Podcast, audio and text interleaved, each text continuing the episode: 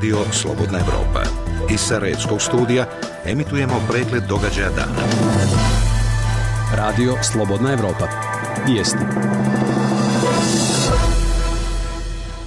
U Hrvatskoj se održavaju predsjednički izbori na kojima građani biraju između 11 kandidata. Birališta su otvorena u 7 sati, a zatvaraju se u 19, dok se prvi preliminarni rezultati očekuju oko 20 sati. Prema anketama najveće šanse imaju aktualna predsjednica Kolinda Grabar-Kitarović, kandidat najjače oporbene stranke SDP Zoran Milanović i nezavisni kandidat Miroslav Škoro. Do 11 sati 30 minuta glasalo je oko 16% birača, što je za 2,5% više više nego na prošlim predsjedničkim izborima. Evo što su za Radio Slobodna Evropa izjavili građani iz Zagreba. A ja očekujem da nam bude bolje, a sada vidjet ćemo, sad ćemo vidjeti.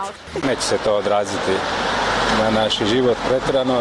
Vjerojatno bi to ipak trebalo riješiti u Saboru, ovaj, vjerojatno nepotrebno ovako glasiti. Glasanje na predsjedničkim izborima u Hrvatskoj jutro se počelo i u Bosni i Hercegovini i odvija se ukupno na 44 biračka mjesta. Na biračkim mjestima nema gužvi, sve ide uobičajeno, rečeno je u Državnom izbornom povjerenstvu. Zabilježili smo anketu s građanima sa jednog biračkog mjesta u Mostaru. To je najveća što imamo podršku od njih, bez obzira na materijalnu potporu, ali kad je to podrška, onda to puno znači, bar meni i svima koje poznajem. Apsolutno veliki značaj jer ako ne budu imati hrvatski političari koji imaju osjećaj za nas, onda mi nemamo šta ovdje tražiti. Znači, vrlo značajno isto kao da su i ovdje. Prije 10 godina, 22. prosinca, Evropski sud za ljudska prava u Strasburu donio je odluku u predmetu Sejdić-Finci protiv Bosne i Hercegovine, u kojoj je jasno rečeno da je Ustav Bosne i Hercegovine diskriminatorski, jer ne dozvoljava nekonstitutivnim narodima da se kandidiraju za funkciju člana predsjedništva ili zaslanika u Domu naroda parlamentarne skupštine BiH.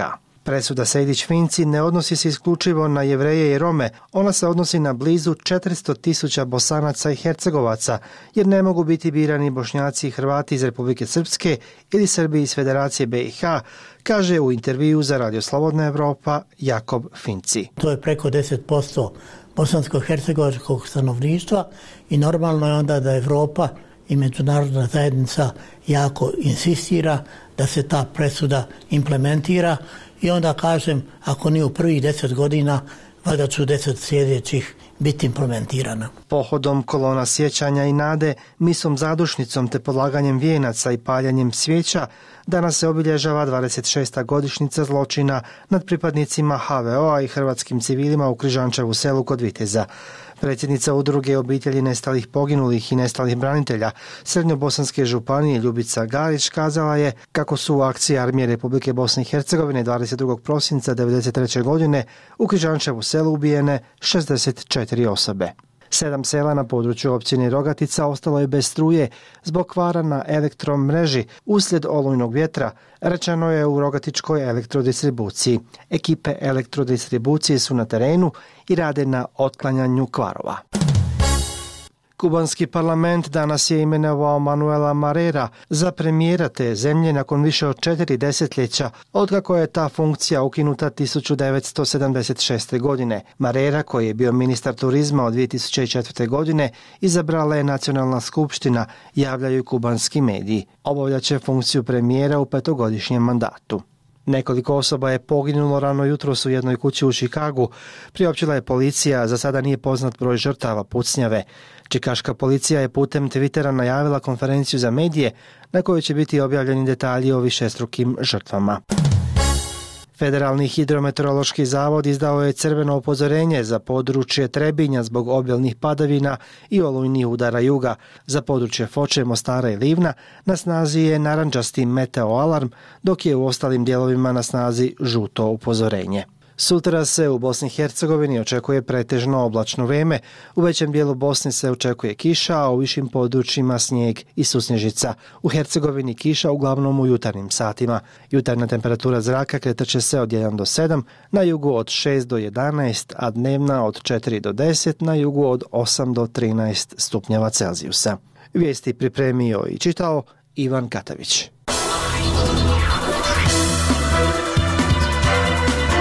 Radio Slobodna Evropa, program za Bosnu i Hercegovinu. Na vratima Evrope. Emisija o evropskim integracijama.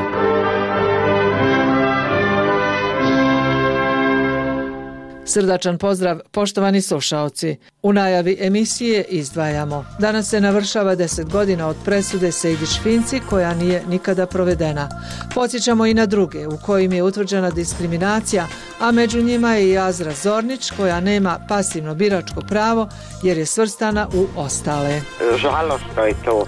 Ne postoji niti jedan ustav u svijetu koji ima kategoriju ostalih. Šta znači ostali? Bivši najuticajniji lideri regije u Mostaru o evropskim integracijama. Ivo Josipović, nekadašnji predsjednik Hrvatske, poručio. Evropska unija je prije svega mirotvorni projekt. I ona je kao mirotvorni projekt iznimno uspješna.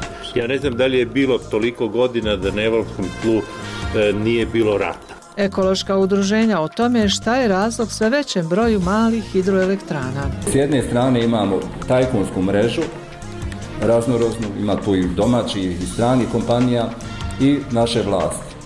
Cijeli, cijela infrastruktura je tu napravljena kako bi se vlasnicima malih hidroelektrana omogućio što veći profit. Mreža Dinarida za očuvanje prirodnih ljepota. Mreža zaštićenih područja Dinarida ima za cilj da svojim djelovanjem iskaže i realizuje zajednički interes za unapriđenje zaštite prirode i održivog razvoja u regionu te pospješi saradnju između zaštićenih područja zemalja Dinarskog luka. U Livnu na sajmu predstavljeni proizvodi u stilu vikinga. Sve je počelo od serije Viking. To je isključivo moj hobi, u tom uživam, uživam izrađivanje tih predmeta, uživam ovako u ovim sajmovima, uživam kad mogu pokazati te stvari koje sam radio. A sada opširnije o najavljenim temama. Na vratima Evrope. Danas se navršava 10 godina od donošenja presude Evropskog suda za ljudska prava u predmetu Sejdić Finci, koja nikada nije provedena kao ni više drugih presuda istog suda. Tim povodom otvorenim pismom su se obratili apelanti i članice inicijative Građanke za ustavne promjene s pitanjem dokle. Među njima je Jazra Zornić, za koju je Evropski sud utvrdio da je diskriminisana u izbornom procesu zato što se izjašnjava kao građanka Bosne i Hercegovine, a ne kao pripadnica jednog od konstitutivnih naroda. Azra Zornić je naša današnja gošća. Vi ste dobili presudu Evropskog suda u kojoj je za razliku od ostalih zatražena izmjena ustava i izbornog zakonodavstva. Ali ni ta vaša presuda nije provedena i nije ništa učinjeno na ustavnim promjenama. Kako to danas komentarišete? Ustav Bosne i Hercegovine, kao što znamo, aneks 4 Dejtonskog mirovnog sporazuma nametnut nam 1995. godine. Od tada do danas okončano i pravomoćno presuđeno pet postupaka pred Evropskim sudom za ljudska prava. Međutim, država Bosna i Hercegovina nije otklonila diskriminaciju i implementirala presude jer je očito da nije postojala politička volja vladajućih stranaka da se to uradi. Vjerovatno iz straha da ne izgube vlast koja im je važnija i od građana i od opstojnosti same Bosne i Hercegovine. Kao rezultat svega toga imamo držanje građana društva kao taoca u stanju kolektivne međusobne netrpeljivosti. U situaciji u kojoj nema stvarne opozicije, implementacija ovih odluka se ne dešava uz napomenu da političke e, oligarhije zapravo koče implementaciju. E, sve stranke deklarativno protiv su diskriminacije i jesu za implementaciju, ali niti jedna nije poduzela bilo kakve korake u cilju implementacije naših presuda. Iz teksta vaše presude je očigledno da Evropski sud smatra kako se radi o problemu koji potiče iz samog ustava, koji ne bi trebao davati posebna prava konstitutivnim narodima. Šta je bio osnov vaše tužbe ovom sudu? Ono što sam ja tražila i što sam dobila tom presudom jeste građanski ustav. Jer mi, građani Bosne i Hercegovine, smo taoci ovog društva – zato što smo diskriminisani, nemamo pasivno biračko pravo. Još uvijek nas nazivaju ostali. Žalostno je to. Ne postoji niti jedan ustav u svijetu koji ima kategoriju ostalih. Šta znači ostali? Zar sam ja kao građanka ove države rođena u ovom gradu, moji preci isto potiču iz ovog grada, osjećamo sa građanima, ne želimo da se opredjeljujemo za takozvane konstitutivne narode niti za jednu grupu i mi smo građani drugog reda. Mi ne postojimo ustavom, mi nemamo pasivno biračko pravo, mi smo taoci politike koja vlada od 95. pa sve do danas. Koja su sve prava vama ugrožena time što se ne izjašnjavate kao pripadnica jednog od konstitutivnih naroda? To nije samo pasivno biračko pravo. U državnim institucijama imate rubriku nacionalnost. Ako niste napisali Bošnjak, Srbin ili Hrvat, teško da imate šansu da dobijete posao. Ako bismo uveli građanski ustav, onda bismo bili svi jednaki pred ustavom. Ja samo to želim i ništa više. Slušate program Radija Slobodna Evropa. Organizacija Human Rights Watch je uradila opširnu analizu situacije nastale neprovođenjem presuda Evropskog suda, a organizovana je i debata na tu temu u Sarajevu. Za naš program govori Elida Vikić, koordinatorica ove organizacije za Evropu i Centralnu Aziju. Sama činjenica je li da je prošlo deset godina od donošenja ove odluke još ništa nije napravljeno. Um, određeni pokušaj jel, da dođe do, do izmene ustava, do um, izmene izbornog zakona, sve je do sad propalo i zadnji neki ozbiljni pokušaj, dakle 2016. godine, kada, je, kada se pokušalo jel, sastaviti jednu, jednu radnu grupu koja bi konkretno radila na prijedlozima izmene izbornog zakona, do toga nije došlo jer nije došlo do, do usaglašenosti i od tad manje više ništa se više nije ni promijenilo ni radilo na tom.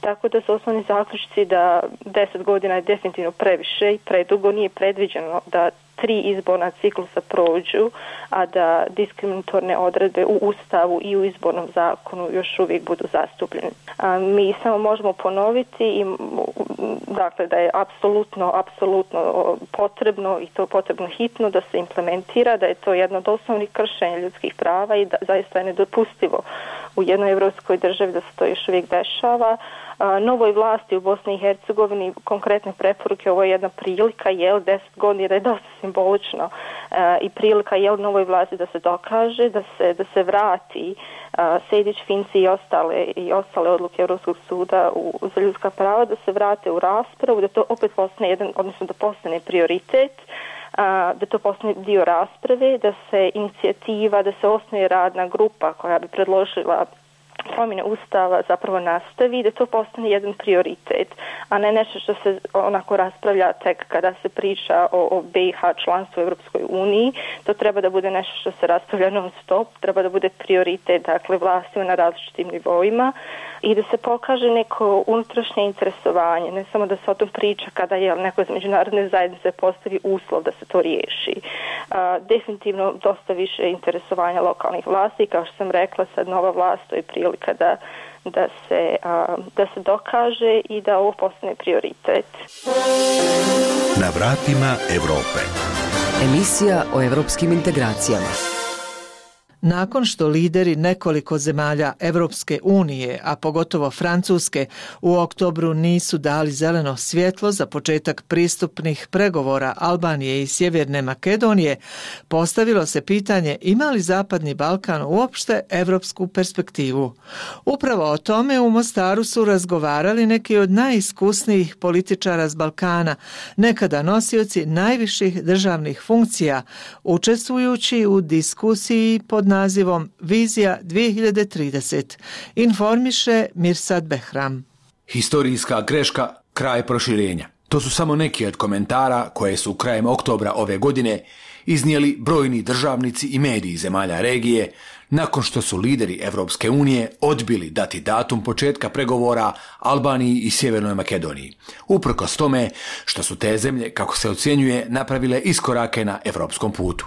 Bivši predsjednik Crne Gore Filip Vujanović podsjeća da je Evropska unija u maju u Sofiji usaglašeno donijela deklaraciju koja je na jasan način otvorila perspektivu Zapadnom Balkanu u vezi sa priključenjem. Insistiranje na individualnom pristupu kroz zaslužena dostignuća, onda jedan hladan tuž da se Sjevernoj Makedoniji i Albaniji ne dozvoljava početak pregovora, početna faza pristupanja Evropskoj uniji u pregovaranju. Gledam poruku regionu koja je jako loša, svi smo to shvatili kao poruku nepoštovanja Evropske unije i njenih pravila.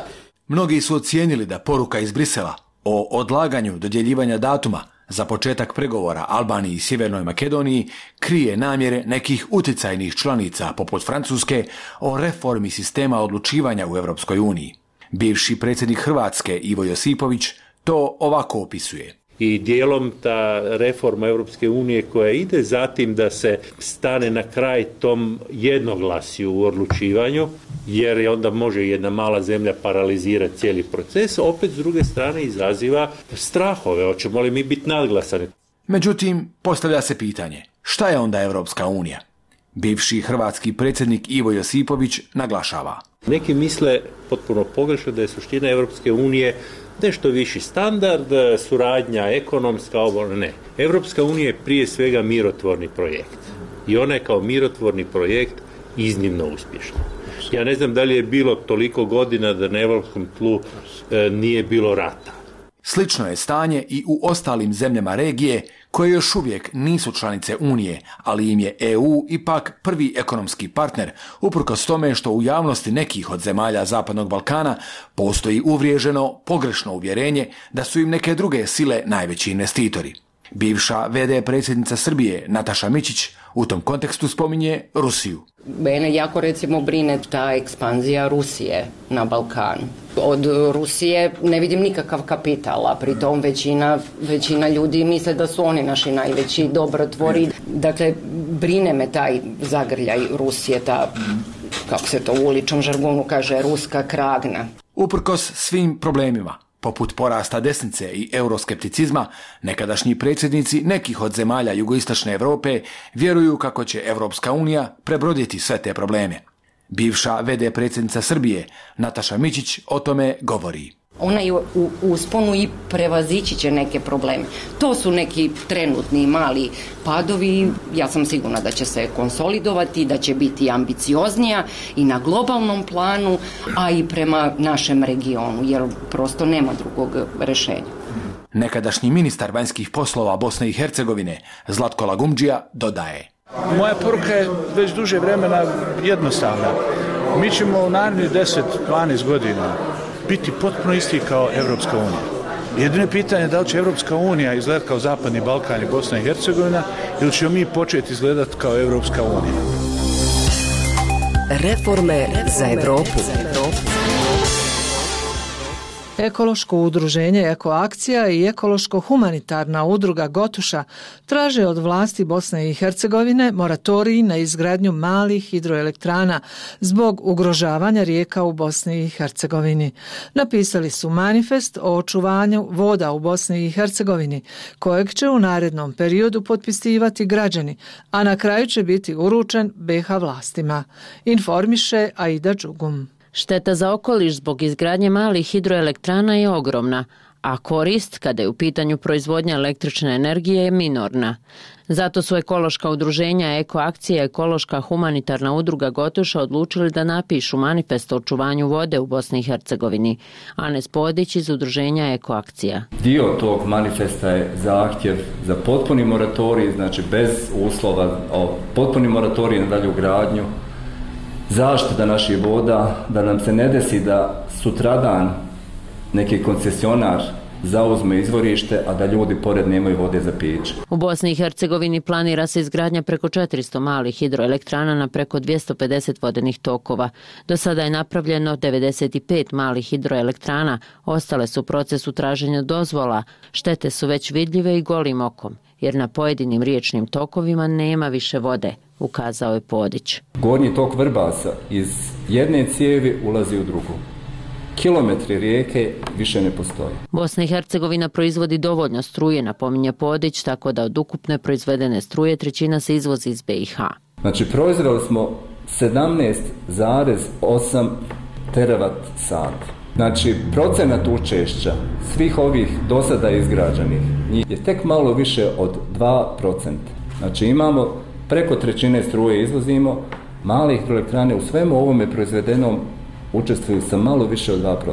Prema procjenama ekoloških udruženja, 10 vjetroelektrana proizvodi struje koliko sve planirane male hidroelektrane zajedno. Privatni vlasnici mini hidroelektrana imaju privilegovanu cijenu otkupa, a država se obavezuje da otkupi svu struju koju privatne mini hidroelektrane proizvedu.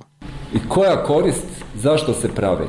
S jedne strane imamo tajkunsku mrežu, raznoroznu, ima tu i domaći i strani kompanija i naše vlasti cijeli, cijela infrastruktura je tu napravljena kako bi se vlasnicima malih elektrana omogućio što veći profit. Država, pazite ovaj detalj, privatnim vlasnicima garantuje otkup sve proizvedene struje u federaciji je to 12 godina, u RS-u 15 godina, po privilegovanoj cijeni. Cijeni koja je veća od cijene koju naplati elektroprivreda domaćinstvima. Vlasnici tih malih hidroelektrana napominju ekološkim udruženjima, uglavnom su strane kompanije, u njima rade po jedna ili dvije osobe. Robert Oroz iz ekološke humanitarne udruge Gotuša. Znači, apsolutno je rad tih malih hidroelektrana automatiziran, a stalni poslanik koji vodi računa svim e, te četiri male hidroelektrane, Mujaković, Jezernica, Majdan i Botun, e, gospodin Mustafa Memija. Interesantno da je taj čovjek bio e, načelnik općine funkcija dva mandata za vrijeme izdavanja dokumentacija za potrebnu gradnju ovih malih hidroelektrana i kad bi kao mandat samo je prešao na funkciju u kompaniji Intrade Energije. Najviše malih hidroelektrana izgrađeno je u srednjobosanskom kantonu. Građani su se zbog toga i ranije bunili, ali jedino je stanovnicima Kruščice pošlo za rukom da spriječe izgradnju male hidroelektrane na istoimenoj rijeci Kruščici. Slušate program radija Slobodna Evropa. Parkovi Dinarida, mreža zaštićenih područja, osnovana je u Podgorici krajem 2014. Mrežu čini 95 prirodnih cijelina iz Albanije, Bosne i Hercegovine, Crne Gore, Hrvatske, Kosova, Makedonije, Slovenije i Srbije, a članovi su i pojedinci, ljubitelji prirode. Nacionalni park Una Bihać, koji je jedan od inicijatora osnivanja ove asocijacije, bio je domaćin obilježavanja pete godišnjice postojanja. Javlja se Dženita Duraković. Parkovi Dinarida, mreža zaštićenih područja Dinarida ima za cilj da svojim djelovanjem iskaže i realizuje zajednički interes za unapriđenje zaštite prirode i održivog razvoja u regionu te pospješi saradnju između zaštićenih područja zemalja Dinarskog luka. Ta saradnja se primarno odnosi na unapriđenje prirodnih i kulturnih vrijednosti zaštićenih područja Dinarida, njihovu promociju i podršku kao i povezivanje ljudi iz regiona kroz primjenu dobrih praksi održivog razvoja i upravljanja. Zoran Mrdak, izvršni direktor Asocijacije Parkova Dinarida. Tu je bilo mnogo mnogo projekata u osam zemalja koje je rađeno u proteklih osam godina. Sigurno da je ono što je možda i najveća vrijednost je upravo stvaranje mreže, uspostavljanje kontakata između zaštićenih područja i ono što je jedan od naših ključnih ciljeva je da dobre prakse iz zemalja koje su evidentno razvijenije i društveno samim tim i njihova zaštićena područja, a to su u prvom redu zemlje koje se nalaze u Evropskoj uniji, Slovenija i Hrvatska, da te dobre prakse kroz razne projekte pretočimo u zemlje koje možda su u nekim drugim fazama razvoja kao što je Albanija, Kosovo, Makedonija, Crna Gora. Kaže, mnogo projekata koji su se ticali zaštite nekih pojedinačnih vrsta životinja kao što je ne znam, recimo medvjed, balkanski ili ris, pa do ne znam, projekata razvoja lokalne zajednice, njihovog uključivanja u turističku ponudu parkova samim tim i svih zemalja jugoistočne Evrope, odnosno prostora Dinarida. Nacionalni park Una bio je jedan od inicijatora osnivanja ove asocijacije. Zajednički rad garancija je uspjeha, što svakako potvrđuje iz godine u godinu i najmlađi park prirode u Bosni i Hercegovini. Amarildo Mulić, direktor Nacionalnog parka Una. Učinili smo dosta toga, rezultat e, je i pozicioniranje nacionalnog parka sve više iz godine u godinu na turistička tržišta u zemlji, regionu, Evropi i svijetu i to je rezultat i povećanja kad je u pitanju broja posjeta u nacionalnom parku, ali ne samo u nacionalnom parku, nego u gradu Bihaću i Unsko-Sanskom kantonu sve više i možemo reći sa ponosom da zahvaljujući nacionalnom parku turizam je u stvar, nacionalni park je pokretač razvoja turističko-gostarske privrede. Adnan Alagić, ministar prostornog uređenja i zaštite okoliša u vladi Unsko-Sanskog kantona. Mi koji smo rođeni na ovim područjima, koji znamo šta je lijepo, ovo što nam je Bog podario, ako uspijemo sačuvati za našu djecu, za naše unuke, onda smo uspjeli. Nismo, nažalost, puno radili, međutim, i samo nastajanje nacionalnog parka Una za nas znači puno. A glavni cilj parkova Dinarida je aktivno učešće u unapređenju zaštite razvoja i upravljanja zaštićenim prirodnim dobrima na prostoru Dinarida. Mreža je, ali u budućnosti će svojim radom doprinositi poboljšanju saradnje između zaštićenih područja, lokalnih uprava i organizacija civilnog društva pri ispunjenju zadataka koji se tiču zaštite životne sredine i održivog razvoja. Eurozona. Eurozona. Eurozona. Eurozona. Zlatne ruke Livnjaka naziv je Božićnog sajma koji se organizuje po sedmi put, a ove godine okupio je oko 60 izlagača iz više mjesta. Kako je sajam prodajnog karaktera, ponešto se i zaradi, zabilježila Željka Mihaljević.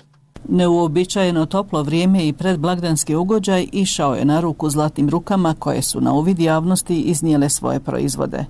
Bilo je tu svega, od prehrambenih artikala, ljekobilja, božićnih ukrasa i drugih rukotvorina, sve do umjetnosti. Livanjski slikar i skulptor Jure Semren izložio je dijela nastala u drvetu. Pored ovih ozbiljnijih stvari kojima se već 15 godina bavim u skulpturi u punoj plastici, izložio sam i jednostavnije stvari iz razloga ako nekoga mogu potaći, puno je razvojačeni, puno je neuposleni, da eventualno negdje probaju naći sebe. A sebe je u izradi drvenih unikatnih sjekira pronašao i viking iz Tomislav grada Stipe Plejić Flik.